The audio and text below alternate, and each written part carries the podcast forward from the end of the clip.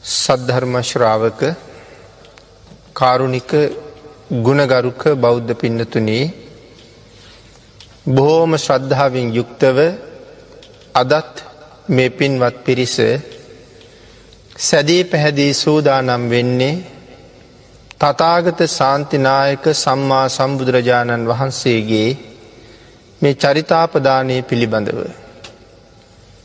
මේ දේශනා මාලාව මුල ඉඳලම ආරම්භ කරපු නිසා ඒ දේශනා මාලාවේ තවත් එක දේශනාවක් සම්පූර්ණ කරන්නයි මේ සූදානන් වෙන්නේ. පිනතින අපි මීට පෙර ධර්ම දේශනාව නතර කළේ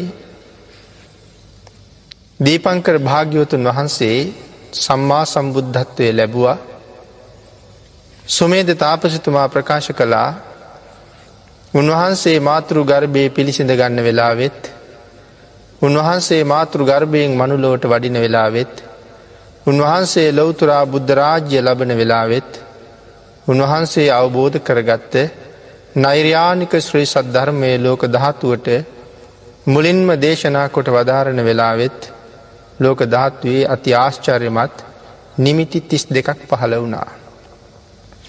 අපි පහුගිය දේශනාව පුරාවට මේ නිමිති තිස් දෙක පහළවීමත් පහළවීමට හේතුත් සාකච්ඡා කළා. අවසානි සුමේද තාපසතුමාගේ ප්‍රකාශය අපි සිහිපත් කළා මේ අවස්ථා හතර තුළදීම මේ නිමිති තිස් දෙක පහළ වුණා නමුත් මට ඒ දෙක ගැනීමේ භාග්‍ය ලැබුණේ නැති බව හේතුව ඒ හැම මොහොතකම උන්වහන්සේ සමාධිසුවයට සමවැදිල හිටපු නිසා. අපි අද දේශනාව එතන ඉඳල ඉදිරියට පවත්වාගෙන යන්ඩ සූදානන් වෙනවා. එනතන සුමේද තාපසතුමා මේ ප්‍රකාශය කරලා භාගිතුන් වහස පහළ වෙච්ච බෞදන්නේ නැහැ. නමුත් භාග්‍යතුන් වහන්සේ මේ වෙනකොට මංගල ධර්ම දේශනාව සිදු කරලා ඉවරයි. ධර්ම දේශනාව නිමා කරලා පරම රමණීය වූ රම්මවතී කියන නගරය තාශ්චර්යමත් වූ නගරයක් පුුණ්‍යවන්තයින් ජීවත්වන කාල්ට විතරක් බැබලෙන්න නගර පිළිබඳව අපි පහුගේ දේශනා විදි සිහිපත් කළා. නම් මේ මහා සුදස්සන නගරය හා සමානයි කියලයි සඳහන් කළේ මේ රම්ම නගරයත් ඒවාගේ නගරයක්. පරම රමණීය වූ රම්මවතී නගරේ හැටියට තමයි අට්ට කතාව මේ වචනය පැහැදිලි කරන්නේ. මේ රම්මවතී නගරයේ සුදර්ශන කියන මහා විහාරයේ තමයි භාග්‍යතුන් වහන්සේ මේ කාලේ වැඩඉන්නේ. භාග්‍යතුන් වහන්සේ සුදර්ශන විහාරයේ වැඩඉන්නවා සැදහැවතුන් භාග්‍යතුන් වහන්සේ ස්වාගෙන ගිහිල්ලා විවිධාකාර පුද පූජාවන් කරනවා. දම්පැම් පූජා කිරීම් මල් පහන් පූජා කිරීම් වැඳ සද්ධර්මශ්‍රවණය කිරීම් සසරින් එතරයන්ට මග සොයා ගැනීම් පැවිදි ජීවිතය ඉල්වා පැවිදිවීම් මේ බොහෝ දේවල් මේ කාලේ සිද්ධ වෙන අතර මේ රම්මවතී නගරයේ ජනතාව නොෙක් ආකාරයේ දානමානාදී කටයුතුවලින් භාග්‍යතුන් වහන්සේට සංග්‍රහ කරමින් ඉඳලා ආරාධනාවක් කරනවා ස්වාමීණි අපි විසින් පිළියල කරගන්න දාන වස්තුව. අසදෘෂ මහාදානය හා සමාන මහ උත්තරීතර වූ දානයක් මේ දානය පිළිගණ්ඩ භාග්‍යතුන් වහන්සේ අපේ දානශාලාවට වැඩම කරන සේක්වා කියන ආරාධනාව කරලයි තියෙන්නේ. භාග්‍යතුන් වහන්සේ ආරාධනාව පිළිගත්තා. මේ පිරිස භාග්‍යතුන් වහන්සේට දානශාලාවට වඩින්ඩ පාරහදනවා. මෙන මේ වෙලා විතමා පිඩතුන සුමේද තාපසතුමා පංච අභිග්ඥා අෂ්ට සමාපත්තිලාබී. මේ මහා පුරුෂෝත්තමයණන් වහන්සේ අහසිං වඩිනවා. අහසිං වඩින්නේ. මේ ප්‍රදේශයේ මිනිස්සු ඒ බව දන්නවා. සුමේද නම් මහා ඉර්ෂිවරයෙක් මේ ප්‍රදේශය ඉන්නවා නිරන්තරයෙන් අහසින් ගමන් බිමන් යන බව හොඳට දැකළ පුරුදුයි. මේ පිරිස පාර හදනවා සුමේද දාපසිතුමා මේ මොහොතේ අහසින් වඩිනවා. විශාල පිරිසක් පාරහදනවා. එවෙලා මේ සියලු දෙනාටම පෙනෙන්ඩ සුමේද තාපසිතුමා අහසිං මහපලෝට පාත්වෙනවා. පාත් වෙලා මේ පිරි සාමන්ත්‍රණය කරලා අහනවා සත්පුරුෂයිනී කුමක් සඳහා ලහිලහියේ මාර්ගයක් සූදානම් කරන්නේද. ඒ වෙලාවේ මෙතන ඉන්න කෙනෙක් අහනවා තාපසතුමනී ඇ ඔබතුමා නොදන්නේද. භාග්‍යතුන් වහන්සේ වෙනුවෙන් අපි දානයක් පිළිගන්නනවා. භාගිතුන් වහන්සේ අද දානයට වඩිනවා වඩින්ට කලින් මගේ එලි පෙහෙළි කිරීමයි මේ සිද්ධ කරන්නේ. අප්‍රමාණ සතුටට පත්වෙනවා. බුද්ධ නම් මේ මහා පුරුෂෝත්තමයාණන් වහන්සේලා ලෝක දහටුවට බොහෝම දුර්ලබයි. මේ මහා පුරුෂෝත්තමයාණන් වහන්සේ වෙනුවෙන් මේ මාර්ගයේ පිළිසකර කිරීමට මටත් දායක වෙන්න ඇත්තං එය මගේ ජීවිතය ලබන පරම භාග්‍යයි කියන චේතනාවෙන් යුක්තව අර පිරිසකින් ඉල්ලීමක් කරනවා අනුකාම්පාවෙන් යුක්තව මටත් ඉඩ කඩක් වෙන් කරලා දෙන්න පුළුහන්ද. මෙතන තිබුණ මහ ජලය සහිත මඩ ගොහරුවක්. මේ පිරිස කල්පනා කළා මේක අපිට ගොඩ කරන්න අමාරුයි.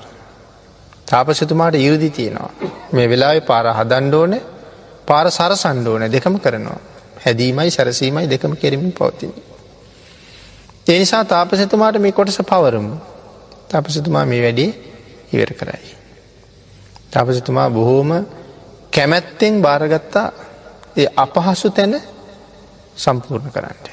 නමුත් තීරණය කරනවා මේක ඉරදියෙන් ගොඩ කරලා සරසනවා කියන එක මට ඒ තරන් දෙයක් නෙවෙයි. නොත් ඒක මට ඒ තරම් පින් වැඩෙන වැඩක් නෙවෙයි. මහාපුරුෂෝත්තමයාණන් වහන්සේලඟ පිනක් කරගණ්ඩ තියෙන වෙලාව ඉරදියට භාර කරන එක මට යුතු නැහැ. ඒ නිසා තමයි තමන් වහන්සේම පස් කප කපා පස් කප කපා මේක පුරුවන්ඩ සූදානන් වෙන නමුත් පුරුවන්ඩ වෙන්නේ වෙන්න නැහැ පුරෝලා ඉවර කරන්න වෙන්න නැහැ. මේ වෙලාවෙ තමයි භාග්‍යතුන් වහන්සේ සුගන්ධ කුටියෙන් එලියට වඩිනෝ හරියට කේසර සිංහ රාජයෙක් තමන්ගේ ගුහාාවෙන් එලියට වඩිනෝ වගේ. කේසර සිංහරාජයා ජීවත්වෙන්නේ රත්තරං ගුහාාවක මැනික් ගුහාාවක පලිංගු ගුහාාවක එමනැත්තං මනෝසීල ගුහාාවක කියලා අපි සඳහන් කළා. සුදර්ශන මහා විහාරයේ භාග්‍යතුන් වහන්සේගේ සුගන්ධ කුටියෙන් එලියට ප්‍රවිෂ්ට වෙනවා. සඳහන් කරනවා පොරෝලා ඉන්න සිවුර බඳු වදමල් පාටයි කියලා. රතු පාටත් නෙවෙයි කළු පාටත් නෙමෙයි ඒ අතර තියෙන වර්ණයක්. සඟල සිවරත් අරගෙන පාත්තරෙත් අරගෙන මහා සිංහ රාජයෙක් වගේ භාග්‍යතුන් වහන්සේ සුගන්ධ කුටියේ දොරකඩට වැඩම කරලා නතර වෙලා ඉන්නවා. තමන් වහන්සේගේ පසු ගමන් කරන ශිෂ්‍ය ශ්‍රීනාශ්‍රවයණන් වහන්සේලා භාග්‍යතුන් වහන්සේ පිරිවරා ගන්නා තුරු භික්‍ෂූන් වහන්සේලා කොපමන ප්‍රමාණයක්ද? ලක්ෂ හතරක්. හාරලක්ෂයක් මහරහතන් වහන්සේලා. භාගිතුන් වහන්සේ පෙරටු කරගන්නවා. සඳහන් කරනවා මේ හාරලක්ෂයක් මහරහතන් වහන්සේලා කොයි වගේද. ශ්‍රී නාශ්‍රවයි කියලකි උන්වහන්සේලා සියලු දෙනා මහරහතන් වහන්සේලා. සඩ් අභිග්ඥා සහිතයි. එනම් රහත් කියන වචනය පාවිච්චි කරට පස්සේ වීත දෝසී වීත මෝහී කියන කාරණාවල් අපි අමුතුවෙන් සඳහන් කරන්න අවශ්‍ය නැහැ. ඒ සියලු රහත් කෘත්තියට අවශ්‍ය සියලු කාර්යන්ගෙන් උන්වහන්සේලා යුක්තයි. විශේෂයෙන් වෙතන වචනයක් සඳහන් කරන්න ඕ නෑ උන්වහන්සේලා අසන් සට්ට කෙල සඳහන් කරනවා අසන් සට්ටයි. මොකද මේ අසන් සට්ට කියල කියන්නේ. මිනති ලෝකෙ ඉන්නවා පුද්ගලයෝ වර්ග තුනක්. ඔබ මම අපි සියලු දෙනාම මේ තුන්ගොල්ලෙන් එක ගොල්ලකට අයිති. පළවෙනි පිරිස නිරාස දෙවනි පිරිස අසංස තුන්ගනි පිරිස විගතාස. මෙතන අසන් සට්ට කියන වචනය පාවිච්චි කරන්නේ මේ සංසාරෙන් එතර යන්ඩ වෑයම් කරන පුද්ගලය තමයි අසංස පුද්ගලයා කියලා හඳුන්වන්නේ. නිරාස කියල කියන්නේ සසරින් එතරයන්ට කිසිම බලාපොරොත්තුවක් නැහැ. ඒ පුද්ගලය බොහොම දුප්පත් කියල සඳහන් කරනවා. ඒවගේම ඉතාම අප්‍රසන්න රූප සහිතයි. කෙසේද කියල සඳහන් කරන වැදූ මවටත් ඔහු පිළිකුල් කියලා. තරම් අප්‍රසන්නයි රූපය. සමහර වෙලාට ඉතාම මිටි ඉතාම දිලිඳුයි. පහත් පහත් කොළවල සමහරලාට ඉප දෙනවා. හේතුව මොකක්ද කියල සඳහන් කරනවා සසර දං නොදීමේ විපාක. දං නොදුන්න නිසයි එහෙම වෙන්නේ. නමුත් මේගොල්ල පුංචි ළමයි කාලි සමහරලාට එකට හිටියා. පාසලට හම විධ ළමයි කණ්ඩායන් එකට ඉන්නවා. දැන් මේ ගොල්ලන්ට අහන්ඩ ලැබෙනවා අපි උදාහරණයට ඔබත් එක්ක මේ නිරාස පුද්ගලයකුට කෙනෙක් කියනවා ඔබත් එක්ක එදා එකට පන්තිය හිටපු අහවලා එයාට ඒ රස්සාාවක් හම්බ වුණා. නමුත් මෙයාට ඒ ගැන කිසිම ආසාාවක් නැහැ. ආසාාවක් නැහැ කියන්නේ තෘෂ්ණාවක් නැති නිසා නෙවෙයි. ඒක නැති කරලා හින්ද නෙවෙයි මට කවදාවත්ම රස්සාාවක් හම්බ වෙන්නේ නැති බව එයා හොඳාකාරෝම දන්නවා. කෙනෙක් ඉන්නවා එයා ඉගෙනගත්ත ප්‍රමාණය හැටියට කවදාවත් එයට ඉංජිනේරුවෙක් වෙන්න බෑ. එහෙම කෙනාට කවරු හරි ගිහිල්ල කීවොත් ඔබත් එක පන්තිය හිට පහවලා ඒ ඉංජිනේරුවෙක් බවට පත් වනා කියලා අරයට සිහිනයක් උපදින්න ෑන මංකවත් ඉංජිනේරුවෙක් වෙන්න කියලා. වෛද්‍යවරයෙක් වෙන්න සුදුසුකන් නොලබ කෙනෙකුට එහෙමකිවට එයට සිහිනයක් නෑන ආසාාවක් එන්නේ න මංකවද වෛද්‍යවරයෙක් වෙන්න කියලා. අන්න ඒවාගේ තමයි මෙයාට ඒවාගේ කිසි කල්පනාවක් නෑ මෙයා ඉතා පහත් ජීවිතයක් ගත කරන කෙනෙක් නිරාස කියල කියන එයාට ඒ පිළිබඳු ආසාාවක් ආසාාවක් නැහැ. අසංස කියල සඳහන් කරන්නේ මෙතන භික්ෂූන් වහසල පිළිබඳවයි භාගිතුන් වහසම දේශනාවෙන් උපමාවට අරන්තියෙන්නේ. ඒක වික්ෂූන් වහසේ නමක් ඉන්නවා අපි මේ උපමා භික්‍ෂූන් හසත් එක සාකච්ඡා කරමු. උන්වහන්සේ බොහෝම වීරිය කරනවා. බොහෝම වීරය කරනවා සංසාරෙන් එතරයන්ට. දිවා රාත්‍රී දෙකේ වීර කරනවා. ඒ භික්‍ෂූන් වහන්සේට තව භික්‍ෂූන් වහන්සේ නමක් ඇවිල්ල කියනවා පෙර ඔබත් එක්ක මේ වීරී ආරම්භ කරලා හිට බහවල් ස්වාමින් වහන්සේ ඊය රාත්‍රයේ සෝවාන් මාර්ග පලි ලැබවා. එතකොට අර ස්වාමීන් වහසේද හිතෙනවා අනේ ඒ උතුම් මාර්ගය මට කවද මට කවද ලැබෙයිද කියලා. අසංස මෙතන මෙත අසං සට්ටයි කියල කියන්නේ මේ රහතන් වහන්සේට සියලු දෙනාම අයිතිවෙන්නේ විගතාස කියන තැනට. උන්වහසලට ලබන්ඩ දෙයක් නැහැ. උන්වහන්සේලාට කවරු හරි ඇවිල්ල කිවොත් ඔබහන්සේලත් එක කලින් උත්සාහ කරපු අහවලත් රහත් වනා කියල කීවට ඒ ගැන ලොකු හැඟීමක් නැහැමකද මත් රහත් වෙලා ඉන්නේ. මට ඒ ගැන දැම් බලාපොරොත්තුවක් නැහැ නමුත් මෙතන අසංසට්ට කියන පුද්ගලයා පිළිබඳව සඳහන් කරන මේ මේ අයත් එක්ක මුහුණට මුහුණ ඉන්ඩ ළඟ වාඩිවෙන්ඩ එකට සභාවයේ හැසිරෙන්ඩ කතා බහ කරන්න අපට ඇතිවෙනවා පුදුම බයක්. එකන උන්වහසල සැරපරුස නෙවේ. සීලයෙන් ඉතාම ඉහලයි. වච්චන මාත්‍රයක් වැරදුනොත් මට පෞසිද්ධ වෙයිද කියන නිසා කතා කරන්න බයක් උපදිනවා. එන මෙතන මේ ස්වාමීන් වහසල අසන් සට්ටයි කියල සඳහන් කරන හේතුව විය යුත්තේ උන්වහන්සේලා රහත් බව ලබල ඉන්නේ. නමුත් පරම සීලවන්තයි. එනිසා මහා තේජාන් විතයි උන්වහන්සේල කියන අර්ථයයි මේ සඳහන් කරන්න හදන්නේ. එනිසා සඳහන් කරන මේ සියලුම රහතන් වහන්සේලා අසන් සට්ටයි. උන්වහන්සේලා මහත් ඉර්දි ඇති අය. සීල සමාධි ප්‍රඥා විමුක්ති විමුත්ති ඥාන දර්ශනාදී ගුණයන් සියල්ලක් සම්පූර්ණ කරලයි මේ රහතන් වහන්සේලා ඉන්නේ. එහෙම හාර ලක්ෂයක් පිරිවරාගෙන තමයි භාගිතුන් වහස මේ මාර්ගයට අවතීරණ වෙන්ඩ සූදානන් වෙන්නේ. ඉට පස් සඳහන් කරන භාග්‍යතුන් වහන්සේ. භාග්‍යතුන් වහන්සේ වීත රාගී වීත රාගී භාග්‍යතුන් වහන්සේ වීත රාගී පිරිසක් පිරිවරාගෙන ඉන්නේ. වීත මෝහී භාග්‍යවතුන් වහන්සේ වීත මෝහී පිරිසක් පිරිවරාගෙන ඉන්නේ. වීත දෝසී භාග්‍යවතුන් වහන්සේ වීත දෝසී පිරිසක් පිරිවරාගෙනයි මේ මාර්ගයට අවතීරණ වෙන්ඩ සූදානක් වෙන්නේ. ඇති මේ මොහොත මේ ලෝක දහත්තුවට ඉතාම පහසුවෙන් දරාගණ්ඩ පුළුවන් සිදුවීමක් නෙවී හාර ලක්ෂයක් මහා ගුණ කදම්බයන් මේ මහ පෘතුවිය කෙසේ දරන්ඩද කියලා පිට හිතෙනවා. මේ වෙලාව දෙවියෝ තූර්යවාදනය කරනවා. දිව්‍යමය මල් මදාරා පරසතුවාදී මේ දිව්‍යමය මල් දෙවිය විසින් මග පුරාම විසුරුවන්ට පටන් ගන්නවා. දිව්‍යමය සුවඳ මේ ප්‍රදේශයේ පුරාම ඉහිරිලා පැතිරිලා යනවා. මනුස්ස ලෝකයේ ඉන්න මිනිස්සු තම තමන් සතු සියලුම මල්වර්ග මේ මාර්ගය පුරා ඉහිනවා. ලද පස්මල් ලිහිනවා. සුවඳ පැන් ඉහිනවා. හඳුන් කිරිපැන් ඉහිනවා. මාර්ගයේ පිළියල කරනවා භාග්‍යතුන් වහසේට දානිට වඩින්ට. මේ වෙලාවේ ආශ්චර්ය කියල කියන්නේ මේ සියලුම මිනිස්සුන්ට අහසට වෙලා තූර්යවාදනය කරන දෙවරු අපූරුවට තමන් ගැස්වලට පේනවා. අහසට වෙලා මල් විසුරුවන දෙවියෝ මිනිස් ඇසට අපූරුවට පේනවා. දෙවියන්ට හොඳටම මිනිස්සු පේනවා.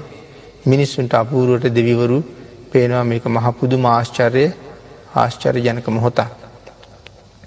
අපේ බුදුරජාණන් වහන්සේ තමන්ගේ මෑණියන් වහන්සේට සංග්‍රහ කරලා සංග්‍රහයි නිමා කරලා වඩින වෙලාවෙත් අධිෂ්ඨාන කරනවා මේ දස දහසක් සක්වල දෙවිවරු මිනිස්සුන්ට පේන්ඩෝන කියලා. අන්න ඒවාගේ හරි දුර්ලභ ආශ්චර්ය සම්පන්න මොහොතක් මේ මිනිස්සුන්ට දෙවී පේනවා දෙවියන්ට මිනිස්සු පේනවා දානශාලාවත් මලින් ගඳින් සුවඳින් පිරිලා ඉතිරිලයි තියෙන්නේ. ආසන මත සමන් මල් විසුරවල තිබුණ ශාලාව පුරාම සුවඳ මල් ඉහල තිබුණා සුවඳ පැනින් ශාලාව දෝවනය කරල තිබුණා සුවඳ හමන උපකරන වහලි පුරා එල්ලිමින් තිබුණා අපුදුමාකාර දානශාලාවක්.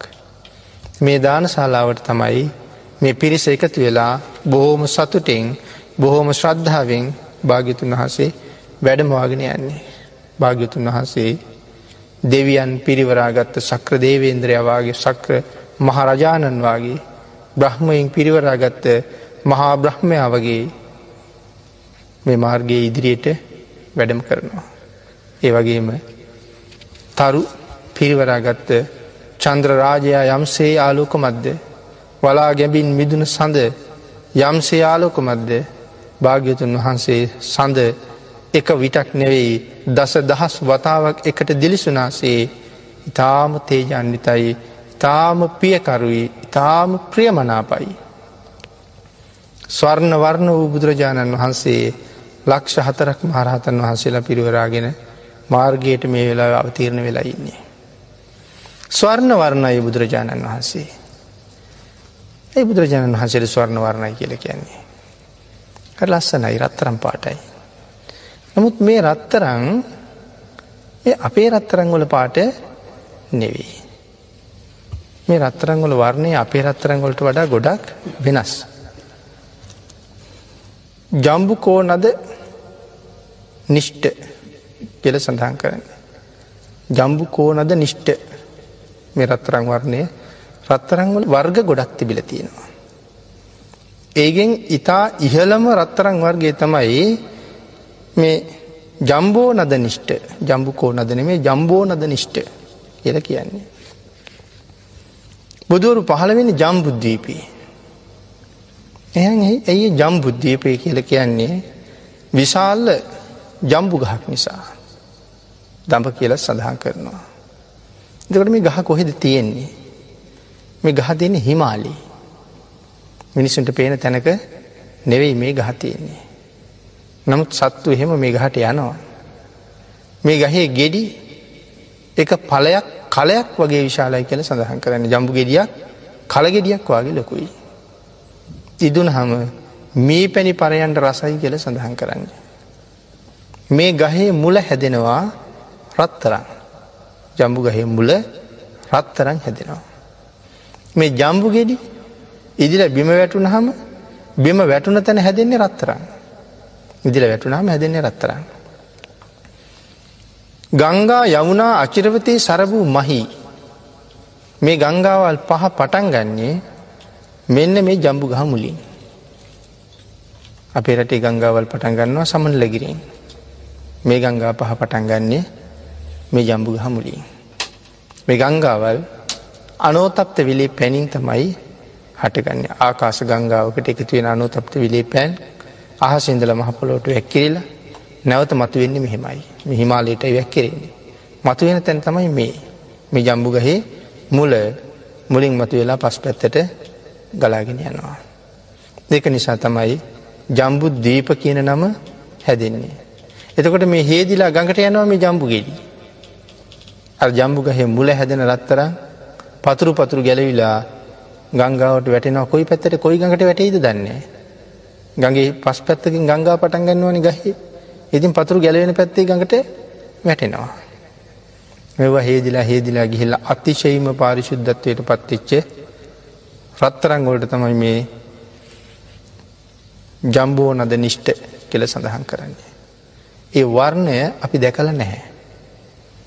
ඒ නිසා අපිට තාමත් භාග්‍යතුන් වහසේ ස්වර්ණ වර්ණය කියනව මිසක් අපිට හිතා ගණඩ බෑ. ඇති ආශ්චර්යමත් වර්ණය කොහොම?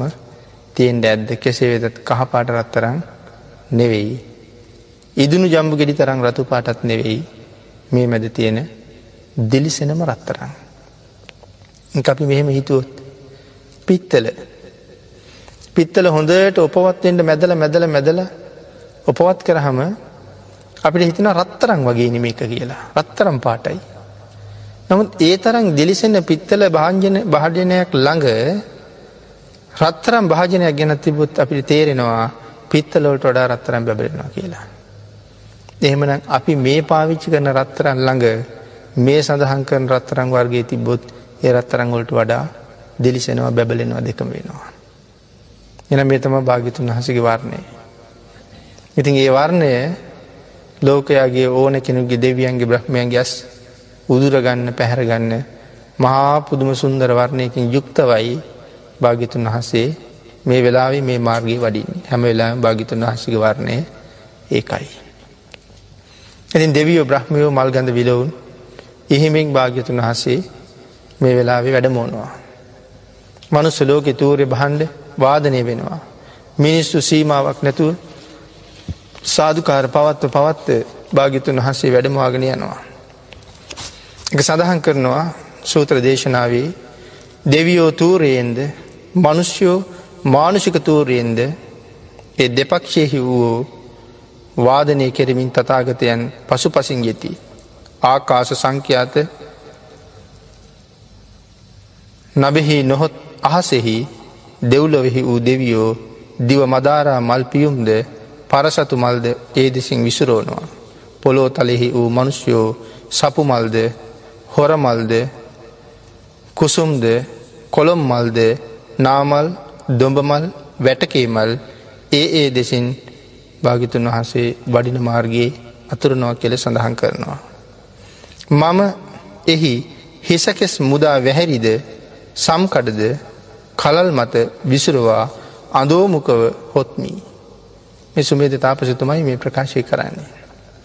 ඒ මාර්ගයේ මට තාම මග මඩ ගොහරුව ගොඩ කරලා හදාගණ්ඩ බැරි වුණා. ඒ නිසා මම මගේ හිස කෙස්්ටික ඉස්සරල එල්ලුවා. ඉගැනි බොහෝම දිග කෙස් වැටියක් තිබිල තියෙනවා. ඉතාම ගණට වැවුන කෙස් වැටියක් තිබිල තියෙන අපේ කෙස්වාගේ නෙවෙයි මොකද මඩේ මේ කෙස් වැටිය එලන්නේ ඒ කෙස් සහිත මඩ පාගහම භාග්‍යතුන් වහන්සේගේ සිරිපතුලේ මඩ නොගෑවෙන්ටයි.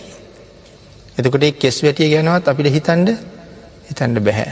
එනිසා මඩ ගොඩේ ඉස්සල්ල කෙස් වැටිය එලලා ඊළඟට තමන්ගේ වැහැරි සිවුර මේ හම්කඩ හම්කඩ එලල ඊළඟට අදෝමුකව හොත්තේය පෙළ සඳහන් කරන්නේ මුනින් අතටයි ඉන්නේ. දණ්ඩ නමස්කාර කරන ආකාරයෙන් උන්වහසේ භාග්‍යතුන් වහසට මඟ හදල තියෙනවා. බුදුහු මා ඇක්මගෙන අතවැසියන් සමඟ වඩනාසෙක්වා නහමක් කලල්හි ඇක්මෙත්වා ඒ මට බොහෝ කලක් හිත සුව පිණිස වන්නේය. භාග්‍යතුන් වහන්සේ අතවැසියන් සමඟ පෙන සාර ලක්ෂයක් මහරහතන් වහන්සේලා සමඟ මාගේ ශරීරයේ මතින් වැඩම කරත්වා. එය මට බොහෝ කල් හිතසුව පිණිස වන්නේය. දැම් මේ මොකක්ද කරන පූජාව මේ කරන්නේ ජීවිත පූජාව. ලොවතුරා බුද්ධරාජ්‍ය ප්‍රාර්ථනා කරන්න මේවාගේ පූජාවක් කරන්න ඕනෑ. සමහර බෝසත්වරු සක්විති රාජ්‍යයි පුදල තියන්නේ. පුදන්ට බැරි දේවල්. සක්විති රාජ්‍ය පූජා කරල තමයි නීතිවරණ ලබන්නේ. සමහර වෙලාවට ජීවිතය පූජා කරල තමයි නීතිවරණ ලබන්නේ. මේ විදිහට අපේ බෝසතාණන් වහන්සේ සුමේද තාපසතුමා ජීවිත පූජාවක් කරල තමයි මේ නීති විවරණය ලබන්ඩ සූදානන් වෙන්නේ. පෘථවයෙහි හොත් මට මෙබඳු චිත්ත විතර්කයක් වී මම අද කැමති වූයේ නම් මගේ රාගාදී කෙලෙසුම් දවන්නේය. මේ පෘථවීහි දිග ඇරිලා භාගිතුන් වහස තමන්ගාවට වඩිනකං උන්වහසට මෙහෙම හිතෙනවා පෘථවී මේ දිගඇරිලා ඉන්න මට අද ඕන නං මේ රාගාදී කෙලෙස් සේරම තුරන් කරන්න පුළුවන්. ඥාන නැමති ගින්නෙන් රාග නැමති කෙලෙස් දූවෙලි අද මට පුච්චලා අලු කරන්න පුළුවන්.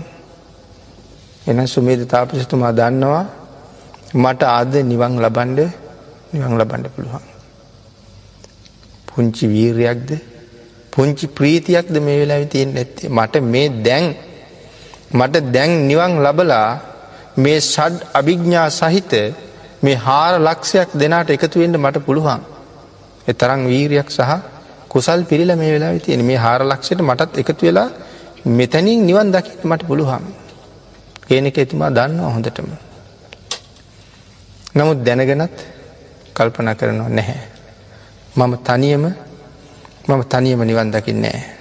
මේ අත් බැවිහි අප්‍රකට වේශයෙන් දහම් පසක් කිරීමෙන් මට කවර ප්‍රයෝජනයක්ද. සරුවඥතා ඥානයට පැමිණ දෙවියන් සහිත ලොව බුදුවන්නෙමි. අප්‍රකට වේශයෙන් නිවන් දකින එක මට මොන ප්‍රයෝජනයක්ද. මංවාගේ වීර්යවන්තයෝ පුංචි වීරියකින්ද මේ ඇවිල්ලතිය. මංවාගේ වීර්යවන්තයෝ අප්‍රකටව දැම් මම මෙතන රහත් වෙලා මේ පිරිසට එකතුනා කියහම මේ හාරලක්ෂය විතරයි දන්නේ රහත් වෙලා මෙතට එකතු වෙච්ච බව. එකනම ලෝකෙට හොරෙන් සසරින් එතර ගියා.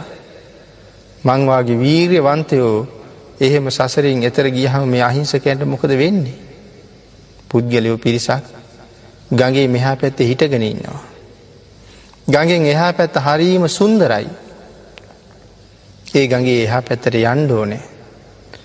ඇගේ හයිය තියෙන අය පීනන්ට දන්න අය පීනන්ට පුළුවන් අය ගඟට පැන්න පීනලා අර සුන්දර ප්‍රදේශයට යනවා. නමුත් මෙතෙර ඉතාම අවිනිශ්චිතයි දුක් සහිතයි බාධා සහිතයි අනතුරුදායකයි. එතකොට මම අපි තනියම පීන හම යහිංසකරු කවුදරන් යන්නේ. ඒ නිසා ශක්තිවන්තයෝ වීරියවන්තයෝ කවදාවත් තනියම පීනන්නේ. ඒ හින්ද මේ පිරිස අරගනම සසරින් එතර යන්න ඕනේ. තමාගේ බලය දන්නා වූ පිරිමණියක්ව එකලාව තරණය කිරීමෙන් මට කවන ප්‍රයෝජනයක්ද. සරුවඥතා ඥානයට පැමිණ දෙවියන් සහිත ලෝ වැසියන් තරණය කරන්නෙමි. තමන්ගේ තරම දන්නා වූ පුද්ගලයෝ තනියම තරණය කිරීමෙන් සියලු දෙනාට යහපතක් නෙවෙයි වෙන්නේ සිරු දෙනට අයහපත. තමන්ගේ තරම දන්න අය ඇයි තනියම තරණය කරන්නේ. එනම් ඒ ඇනි මගේ තරම මම දැන දැනත් ලොවතුරා බුදුුවෙන්ට මට පුළුහම් බවත් මං ඒ සඳහා වීර්ය වඩන්ඩ ශක්තිමත් බවත් දැන දැනා මං කොහොමද තනියම එතර යන්නේ. ලොවතුරා බුදු වෙලා දෙවියන් පෙරටු කරගෙන සසර සාගරයේ දුක්විදින අහිංසකයන් සංසාරයෙන් එතර කරවන්ඩ මහා කරුණාවකින් පෝෂණය වෙන්ඩ මයි මං මේ සංසාරය ඇවිල්ල ඉන්නේ. ඒ නිසා මෙතනදී නිවන් දකින එක මට කම් නැති වැඩක්. එනිසාද මුන් වහන්සේට මගේ ජීවිතය පූජ කරලා මන් සංසාරයෙන් එතර යන මේ උතුම් සම්මා සම්බුද්ධත්වය උන්වහන්සේගෙන් මට ප්‍රාර්ථනාව කරනකොට ලැබෙයි. මට ඒ මහා අභිනිහාරය උන්වහන්සේගෙන් ලැබෙයි කියල තීරණය කරනවා. මේ කාරණාව සහපත් කරන්න ඕන මේ ධර්ම කාරණා කොයි තරන් ගැඹුරුද කියන කාරණාව මේ දේශනාව තුළින් අපි සාකච්ඡා නොකොළොත් ආය මේ කාරණාව ආපහු සාකච්ඡා කරන්න එවෙන්න නැහැ. එනිසායක උදාහරණ සහිතවම අපි පැහැදිලි කරගත යුතුයි මේ සත්පුරුෂයන්ගේ මේ උත්තම වීර්ය අවසානය කල්පනා වුණුත් මේ මේ කරුණු ටිකත් අපිට පැහැදිලි කරලා තවත් පැහැදිලි කරගෙන යන්න තිබුණ නං අපිට තවත් හොඳයි කියලා එදාට හිතිල දුක හිතෙනවට වඩා අද අපි ඒටික සාකච්ඡා කරලා ඉවර කරගෙන යන එක තමයි මේක මේ වීරයේ මේ වෑය මේ අවශ්‍යතාවේ. දෙනිසා මේ කාරණාව අපි තා චුට්ටක් පැහැදිලි කර ගම්මු මම තනිය එතර ගියොත් අනික් අය කවුද එතර කරන්නේ. පිනතින මේකට බොහොම ලස්සන උදාහරණයක් තියෙනවා අපේ රටේ. අපි පිනතින දොටි ගැමුණු මහරජතුමාට යෝධයෝ යෝධයෝ දහදනෙක් හිටියා. යෝධ දහදනාගෙන් යෝධයක් හිටියා ගෝට ඉම්බර කියලා. ඒ පවුලෙ හිටියා දරූ හයක් දරූ හයම පිරිමි දරූ හය දෙනාගෙන් බාලමෙක් කෙන තමයි ගෝට ඉම්බ. යා හරි මිටී එනිසා අයියලා සෙල්ලං කරන්න ගිහිල්ලා මල්ලිට ආදරයටත් විහිළුවටත් ගෝටය කියලා කිවා. මිටි නිසා. එදා ඉඳල මෙයා ගෝට කියන නමින් හැඳින්නවා. තවත් ශක්තියක් තිබුණා ඒ ශක්තිය අපිට ඉදිරියට සාකච්ඡා කරන්න ලැබෙනවා නිසා ඉම්බර කියන කෑල්ල එක තියෙන ගෝට ඉම්බර වෙනවා. මේ ගෝට ඉම්බර දුටුගැමුණු රජ්ජුරුව හොයනවා තමන්ට තවත් දස මහයෝදයෝ. මෙයාගෙන් අහනවා දස මහයෝදයෝ තව මට ඉන්නවද කියලා. අහනකොට මේ ගෝටයිම්බර යෝධයක් කියනවා ස්වාමීණි ඉන්නවා. කොහෙද ඉන්නේ. ස්වාමීණි එක් කෙනෙක් ඉන්නවා මහන වෙලා ඉන්නේ. මං එක්ක එන්ඩද කෙලෙහුවා. කෞුද මේ මහන වෙලා ඉන්න යෝධයා. තේරපුත්තාබය. තාත්තයි පුතයි දෙන්නම මහන වුණා.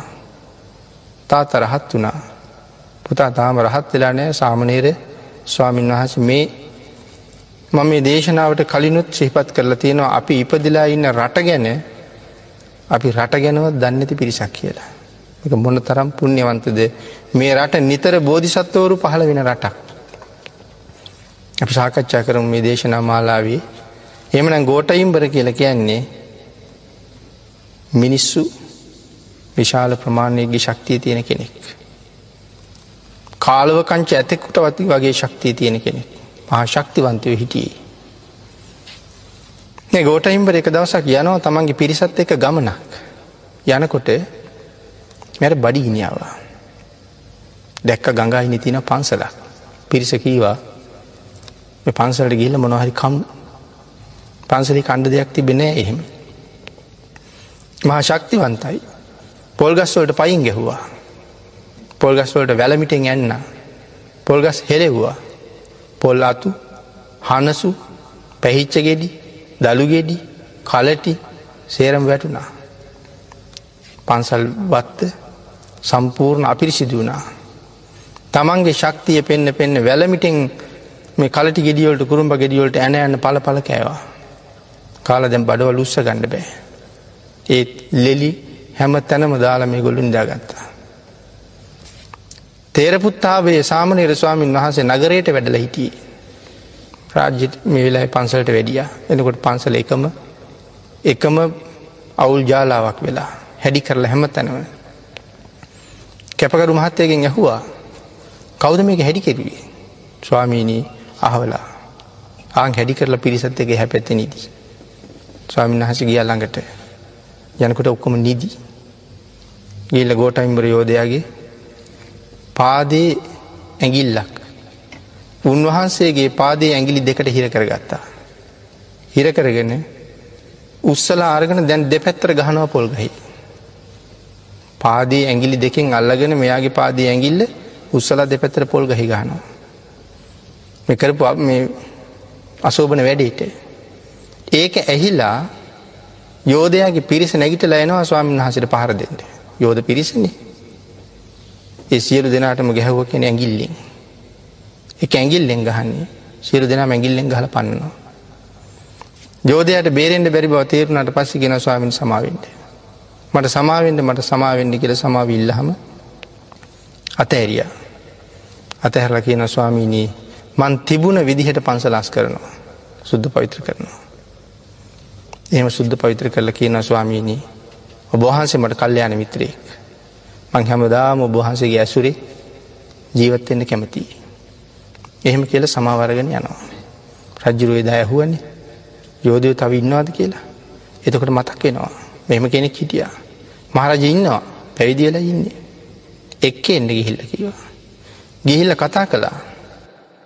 කතා කරහම සාමනීරයන් වහස කියනවා මම සිල් ගත්තේ සිල් බිඳින්ට නෙවෙයි කියලා සිල් බිඳින්ට සිල් පවාරණය කරන්න සිල් ගඩන්ඩ මන් සිල් ගත්ත නෑ මට බැහැ. ඒ වෙලාවෙ ගෝට ඉම්බ්‍රයෝධයා උන්වහන්සේට කරුණු පැහැදිලි කරනවා. ස්වාමීනී මේ රට අගාදයට යමින් තියෙනවා. සම්මා සම්බුද්ධ ශාසනයේ වෙනසමින් තියෙනවා. වෙහෙර විහාර දවසින් දවස කැඩෙනවා. බෝධීන් වහන්සේලා දවසින් දවස කැපෙනවා. ස්වාමීන් වහන්සේල මගට බැස්සහම සිවුරු විරාගෙන පන්සල්ලොට එන්නේ. පින්ඩ පාති වඩින ස්වාමීන් වහන්සේලාගේ පාත්තර උදුර ලාරම් පොළොය ගහනවා. ස්වාමීනි මේක එහෙම රටක් වෙලා. ස්වාමීනී ඔබ වහන්සේ වගේ වීර්යවන්තයෝ. ඇස් දෙක පියාගන්න තනියම සසරින් එතර යන්න ගත්තොත් කෞද සම්මා සම්බුද්ධ ශාසනය රකින්නේ. කෞද මේ ස්වාමීන් වහන්සේ ආරක්ෂා කරන්නේ. කෞද ධර්මය රකින්නේ කෞද වෙහෙර විහාර ආරක්ෂා කරන්නේ. ඔබ වහන්සේලාට ශක්තිය හම්බුනේ තනියම හැංගිලා නිවන්දකින්ට නෙවෙයි බොහෝ දෙනාට නිවන යෘර්ත කරලා තියල නිවන් දකිින්ඩයි ඔබහන්සේල මේ වීරි අරං ඉපදිලා තියන්නේ. කොට ගොට ඉම්බරියෝධයක් කරන්නේ පුදුම පුදුම ප්‍රකාශයක්. ඒ වෙලා කියන එහෙනම් ගෝටයක් ඒ වෙලාවෙ සිල් පවාරණය කරනවා. සිල් පවාරණය කරලා සිවුර ගලවලා තියලා ගිහිල්ල යෝධයුත් සමඟ එකතු වෙනවා. පුදුමාකාර ශක්තිවන්තයෙක් ගොටම් බෙරටත් මෙහෙම කලාන්න ඉතින් රජ්ජිරුත් එක එකතු වෙලා යුද්ධ කරනවා. මේ දස මහ යෝධයෝ ජාතිය පිනට පහළ වෙච්චාය සම්මා සම්බුද්ධ ශාසනය ගොඩගණ්ඩ පහළ වෙච්චාය මේ යුද්ධට මේ යෝධ වෙල හැත් වෙලා තියෙන නිකම්ම අම්මගි කුසෙන් මේ ලෝක ඉපදිලා ශක්තිය තිබ නිසා යුද්ධ කරන්න පටන්ගත් අයි නෙමෙයි. මේ ශක්තිය අරංගෙන්නේ කාශ්‍යප බුද්ධ ශාසනය ඉඳලා. මේ යෝධයෝ මේකට සූදානන් වෙන්නේ අනාගතයේ ගෞතම සම්මා සම්බුද්ධ ශාසනය රකිින්ඩ දවසක් එනවා එදාට බුද්ධ ශාසනය රකිින්ඩ අපිට ශක්තිය තියෙන් ඕන කියල ප්‍රාර්ථනා කරගෙන මේ දුටු ගැමුණු රජ්ජුරුවොත් එක්ක මේ යුද්ධ කරන්න සූදානන් වෙන්නේ කාශ්‍යප බුද්ධ ශාසනීදලා. මේ ශක්තිය අරගත්ත මොනව කරලද. පිනක මහිම කිරිබත් පූජ කරලා තමයි මේ ශක්තිය ගන්නේ. පැන් නොමුසු කිරිබත්. ආදී දේවල් මහා සංඝයට පූජා කරලා තමයි මේ තරං ශක්තිවන්ත වෙන්නේ. එක මේ කාරණය තව ඉස්සරහට අපුරුවට පැහැදිලි කරනවා. ඉතින් යුද්ධ ඉවර කරලා තේරපුත්තා බේස්වාමින් වහස ගිහිල්ලා අපෝ පැවිදිනවා. පැවිදිල රහත්වෙනවා. දුටිගම රජ්ජරු මරණාසන්න වෙලා වැසරණ වෙනවා. කල්පන කරනවා මට එදා එදා යුද්ධයට උදව් කළා අද මට උදව් කර නැද්ද කියලා. දහස් ගරන් රහතන් වහන්සේලත් එක්ක රජ්ජරුවන්ගේ මරණ මංචගේ ගාවට ඇවිල්ල රජ්ජරුවන්ට කරුණු කියලා රජ්ජුරුව සනසලා රජ්ජුරු සුවපත් කරනවා. සද්දිරුවන්ගේ මරණ මංචකේ ප්‍රීතියෙන් පුරවන්ඩ උන්වහස කටයුතු කරනවා. කටයුතු කරල උන්වහසේ සංසාරි ඉවර කරගන්නවා. ඉති මේකට උදව් කර පනික් කෙන ගෝට ඉම්බර මේ දහ දෙනා ගැනම අපි ඉදිරියට සාකච්ඡා කරමු නමුත් ගෝට ඉම්බර ගැන අපි සාකච්ඡා කරපු නිසා. ගෝට ඉම්බර යුද්ධ ඉවර වෙලා තමන්ගේ පිරිසත් එක්ක තැනක එකතු වෙලා රාබීවා උත්සවයක් තිබුණා. මේ උත්සවී ගාව තමයි කට්ටිය එකතු ලැට හරි ලස්සනට උත්සව සලාව සරසලා තිබ්බා. උඩින් යනෝ යක්ෂයෙක් උඩින් යන්න යක්ෂයා සාමාන්‍ය යක්ෂයෙක් නෙමේතකට. මේ යක්ෂයා දැක්ක ලස්සන්ට සරසලා තිබ තැන දැකලා මෙතැට එන්ඩ හිතුනා. එනකොට දැක ගෝටයිම්බර යෝධයාගේ බිසව ඉතාම ලස්සනයි දිව්‍යංගනාවක් වගේ. ඒ නිසා රාග සිතක් ඇති වෙලා ඇයට ආවේශ වුණා. ඇය ඒ වෙලාවේ එතන සිහිනැතු වැටෙනවා. සිහිනැතු වෙටල කටින් සුදුපාට පෙන දානවා. ඇස් උඩ යනවා. ගෝට ඉම්බ්‍රියෝධය තීරණය කරනවා බයවෙන්නේ ලෙඩක් හැදුන කියලා කලබල වෙන්නෙත් නැහැ. ඒ ඇන්නේ මේ ගොල්ලු හරියට මේ කරුණු ගැන අවබෝධින් ඉඳලා බිරිඳට වෙලා තියෙන දේ දැක්ක ගමන් තීරණය කරනවා අමනුෂ්‍යය ක්‍රිංගලා මගේ බිරිඳ ඇතුළට කියලා. ඒලා අමනුෂ්‍යයට කතා කරනවා. කතා කරල කියනවා නිවටය ගැහැනියක් ගැංගලු ඇතුළට රිංගන්ඩ උබේ තරන් නිවටද. උඹට හයිය තියෙනවා නං එලියට වරින්. එලිට ඇවිල්ල මගෙත් එක කරන්න පුළුවන් දෙයක් කරපා. ඊටස් යක්ෂ ඇලියටෙනවා. ඇවිල්ල කතා කරනවා. කතා කරලා සමච්චල් කරනවා ගෝටයිම්බරට. සමච්චල් කරලා කියනවා නිවටය. ඔබ මට මොනව කරන්නද. මට බය නැති අය මෙහෙ කොහෙවත් නෑ. හැමෝම මට බයයි. ඒ නිසා මට කියන්නේ ජයසේන කියලා. ගිය ගිය තැන මම ජයගන්නවා. එනමට ජයසේන කියල කියනවා. දෙන්න දෙමාරුවට වචන හෝ මාරුව දිගට යනවා. ඉට වසි කියන එහෙනම් අහවල් තැන සොහන් බිමට වරෙන් තව දවස් හතකින්. ඉට පස්සේ දෙන්න තීරණය කරන සොහන් බිමට ගෙල්ල ගහගන්නට. දවස් හතකින් සොහන් බිමට යනවා. මේ යක්ෂයක් පුද්දුම ප්‍රතාපොත් කෙනෙක්. ඒ නිසා ගෝටයිම්බරට කැමති යක්ෂයොත් ගෝටයිම්බරට කැමති දෙවියොත් ඇවෙල්ල ගෝටයිම්බරට කියනවා යන් දෙපා. ජන් එපා ඔබවාගේ වීරවන්තුව මේ රටට තව අවශ්‍යයි මේවාගේ යක්ෂයක් එක ගහගණඩ ගිහිල්ලා මේ රටට ඔඹ නැති වෙන්න එපා මේ රටට ඔඹෝ නෑ එඳ යන්න එපා. ඔය මිනිහට කියන්නේ ඔය යක්ෂයට කියන ජයසයන කියලා පුදුම යකෙක් එනිසා යන්න එපා. ආන්නය කවුරු කිවත්. ළඟට ගිහිල්ලා යක්ෂයත් එනවා යක්ෂයට වෙලාව කියනවා උඹට මංමගේ දකුණු අතින් ගහන්නෙත් නෑ උඹට මංමගේ දකුණු පයින් ගහන්නෙත් නෑ. උඹට මංමගේ වං අතින් ගහන්නෙත් නෑ උඹට මංමගේ වම් පයින් ගහන්නෙත් නෑ.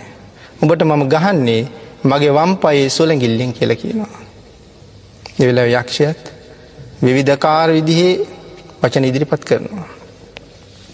යක්ෂ පිරිසත් බලාගෙන ඉන්නවා. වෙලා කියන තව තව පහුවෙන් නැතුව උඹ උඹනේ මට එන්න කීවේ මෙතෙන්ට එන්නකි මට උඹ එනම් බවරෙන් ඉස්සරලා යක්ෂ අදෝගෙනකට සඳහන් කරන රියන් අසුවක් අහසට උඩ පැනලා වම්පාදය සුළැගිල්ලෙන් බෙල්ල ගැලවිලා යන්න ගහනවා. එච්චර යුද්ධේ. දෙවිය අප්‍රමාණෝ ප්‍රීතියට පත්වෙනවා. දෙවිය ප්‍රීති ගෝෂා පවත්වනවා දෙවිය තූර්යවාදන පවත්වනවා.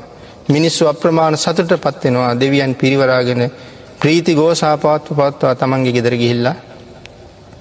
හරි සතුටින් යන්නේ රජ්ජුරුගාවට රජ්ජුරුවන්ට එහෙනවා මේ ප්‍රීති ගෝසාාව රජ්ජුරු කියනවා අහනවා මොකක්දී ගෝෂාව මිනිසු කියනවා ගෝටයිම්බර ජයශයන යක්ෂාව පරාධි කරලා ප්‍රීතියෙන් එනවා. නමුත් රජරුවන කියල තිබුණේන් රජරුවන්ට නොකිය එහෙම ප්‍රීති ගෝෂා පවත්තන්ඩ බැහැ. දොරවහන්ඩ කියනවා. වාසල් පවුර වහන්ඩ කියනවා. මිනිසු ගිහිල්ල වහනවා. ඇහුව ඇයි වැැහුව කියලා. රජරු වහන්ඩ කීවා දුක හිතුනා මං වෙච්චර කරලත් අද මට දොර වැැහවා. හිතන වාසල් පවුට පයින් හල මං යනව රජරුගවට කියලා. ආය තීරණය කරනවා නෑ. මං එපා හින්දන්නේ මං එපා හින්දයි දොර වැැහුවේ අය අනේක තේරුමක් නැහැ. ගෙදර ගිහිල්ල කට්ටිට කියෙන මං අයන්නේ යනවා රට හත හැරලයන්ට සාගරයේ ළඟට ගිහිල් අහනවා රහතන් වහන්සල කොහෙදන්නේ. රහතන් වහස නිරන්තරයෙන් වඩින පර්වතයක් පෙන්නවා පෙන්නලා ඊට පසි මේ පරිති තින් ඉන්දියාවේ මහමුහදර පැනලා ඉන්දියාවට පීනනවා. ශක්තිය. පීනගෙන පීනගෙන ගිහිල්ලා මේ කඳු මුදුනට යනවා රහතන් වහසලා ඉන්නවා කිය ගැම රහතන් වහසල වඩිනවා පේනවා හෙළ මැද්දි තියෙන පල්ලහ පන්සලක්. කිසිම මිනිහෙකුට යන්ඩ බෑ. අති ප්‍රපාතය පල්ල ඇතින්නේ. තීරණය කරන ජීවිතය අතහැරලාපු මට මැරුණ හම මොකද? කියල් කන්දුඩින්ල පයිනව ප්‍රපාතයට. පයිනකොට රහතන් වහස දැකල කියන අනික් රහතන් වහස එක් කෙනෙක් පැන්න. කිසි කෙනෙ පයින්න ඇමතෙන්ට රහතන් වහස විශාල අතක් මවල යෝධය පිළිගත්තා. ඇහුව කවරුවත් එන්න තිමෙතෙන්ට ආවියයි ස්වාමීනී මටත් ඔබහන්ස ගිය මගේ අන්ඩුවනේ උන්වහන්සගෙන් මගාගෙන ගෝටයිම්බරයෝදයා එතනදි ශ්‍රමණ ධර්මය පුරලා රහත් වෙලා සංසාරෙන් එතර යනවා. එන අදට අපි ධර්ම දේශනාව නිමා කරම කාලේ නිමා වෙලා තියෙන නිසා.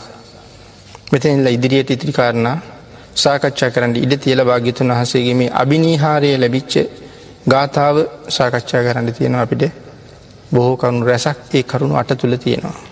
ඒ තුළ ඊළඟ දවස සාකච්ඡා කරන්න තියලා අදට ධර්ම දේශනාව නිමා කරමු